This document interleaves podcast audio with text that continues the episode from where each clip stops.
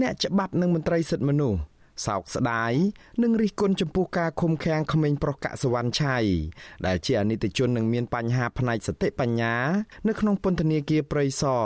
ស្របពេលដែលឪពុករបស់គាត់ដែលជាមន្ត្រីបកប្រឆាំងក៏កំពុងតែជាប់ពន្ធនាគារព្រៃសរដែរ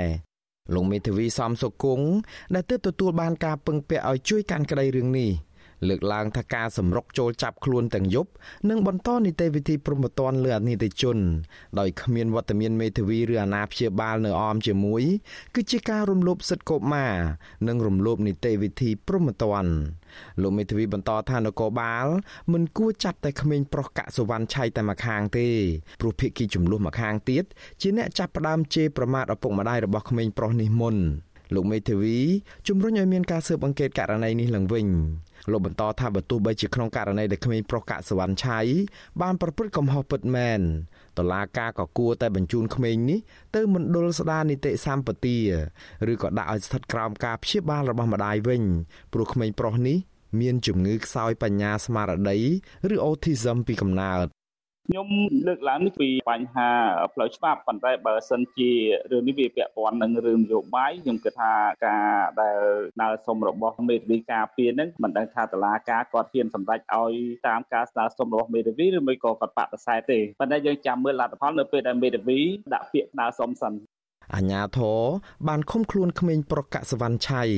ជិតមួយសប្តាហ៍មកហើយដោយសារតែនគរបាលនឹងតឡាការបានចោទក្មេងប្រុសវ័យ16ឆ្នាំរូបនេះពីបទញុះញង់ឲ្យបង្កមានភាពវឹកវរធ្ងន់ធ្ងរដល់សន្តិសុខសង្គមនិងបទប្រមាថអ្នករាជការសាធារណៈតាមរយៈការជេរប្រមាថគ្នានៅក្នុងក្រុមតាមបណ្ដាញសង្គម Telegram ម្ដាយរបស់យុវជនកសវណ្ណឆៃគឺលោកស្រីព្រំចន្ទថាថ្លែងថាលោកស្រីកំពុងតែព្រួយបារម្ភអំពីកូនយ៉ាងខ្លាំងនិងមិនដឹងអំពីសុខទុក្ខកូននៅក្នុងពន្ធនាគារយ៉ាងណានោះទេ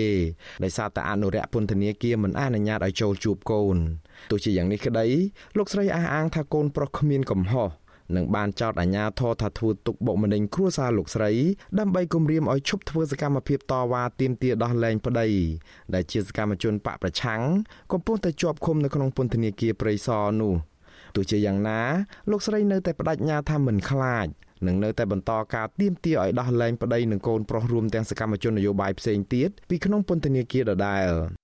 មកធ្វើអញ្ចឹងដើម្បីបាក់ស្មារតីជាពលរដ្ឋបើសិនជាពលរដ្ឋហ៊ានតែក្រោកគេនឹងធ្វើឲ្យក្រុមគ្រួសារខ្ញុំអញ្ចឹងនឹងបាក់ស្មារតីជាពលរដ្ឋទី1ទី2ទៀតបាក់ស្មារតីជាម្ដាយដែលម្ដាយខំប្រឹងធ្វើថ្ងៃសុកដើម្បីទៀមទាតវ៉ាមានដោះស្រាយដើម្បីជូនលោកប៉ាប្រកួតអញ្ចឹងគាត់ធ្វើនេះដើម្បីបាក់ខ្ញុំបាក់ជាពលរដ្ឋទាំងអស់គឺថារបបមួយហ្នឹងគឺបាក់ស្មារតីអញ្ចឹងមិនឲ្យក្មេងចេះដឹងអញ្ចឹងគាត់សម្រេចសម្រាប់កូនទាំងរស់អញ្ចឹង